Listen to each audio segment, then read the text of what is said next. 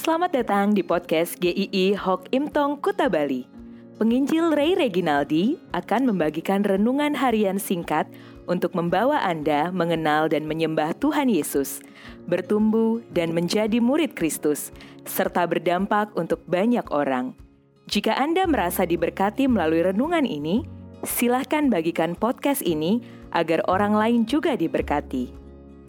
Inilah renungan hari ini.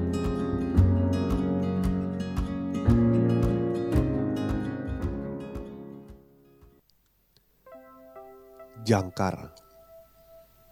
Ibrani 6 ayat 19. Pengharapan itu adalah sauh yang kuat dan aman bagi jiwa kita yang telah dilabuhkan sampai ke belakang tabir. Timothy Keller mengatakan, manusia adalah makhluk yang dibentuk oleh harapan. Cara Anda menjalani hidup sekarang sangat dikendalikan oleh apa yang Anda percayai tentang masa depan Anda apa yang Anda percaya tentang masa depan Anda. Pengharapan kita bukan berdasarkan keyakinan kita, tetapi karena ada kepastian dari Allah itu sendiri. Ibrani 6 ayat 18 mengatakan bahwa Allah tidak mungkin berdusta. Dia tidak pernah mengingkari janjinya.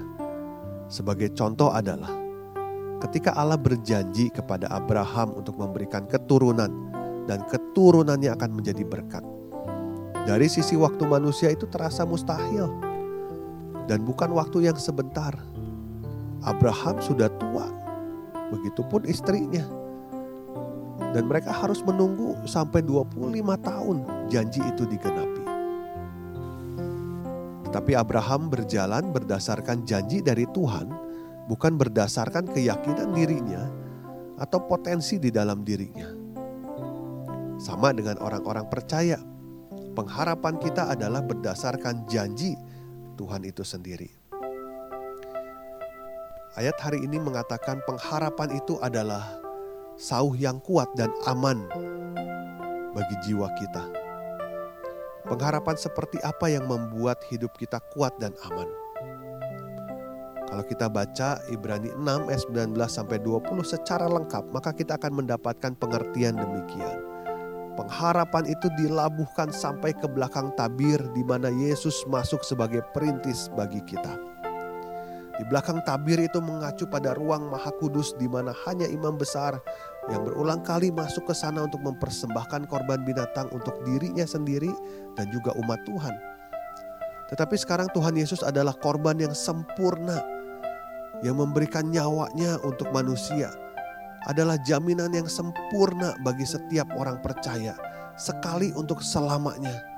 Orang-orang percaya di masa lalu yang hidup di dalam penganiayaan yang menakutkan, mereka hidup berdasarkan pengharapan di dalam Tuhan Yesus.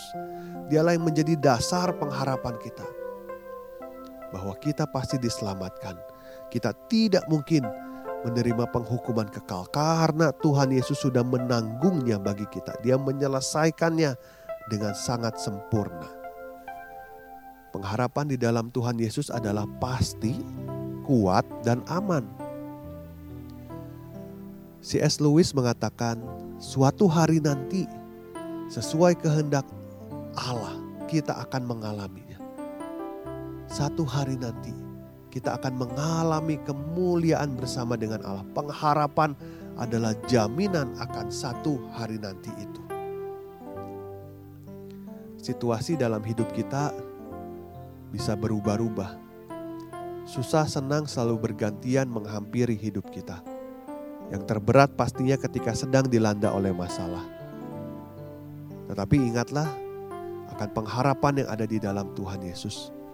Tidak ada pegangan lain di dalam hidup ini yang bisa membawa kita kepada ketenangan yang sejati. Hanya di dalam Tuhan Yesus kita bisa mempercayakan seluruh kehidupan kita. Saat Tuhan Yesus sudah memilih kita untuk diselamatkan, Dia pasti akan menolong dan menyertai kita untuk melewati berbagai hal yang menguji iman kita juga. Pengharapan akan membawa orang percaya tidak menyerah di tengah-tengah pergumulan yang sulit. Karena pengharapan di dalam Tuhan Yesus pasti dan kokoh. Tuhan memberkati.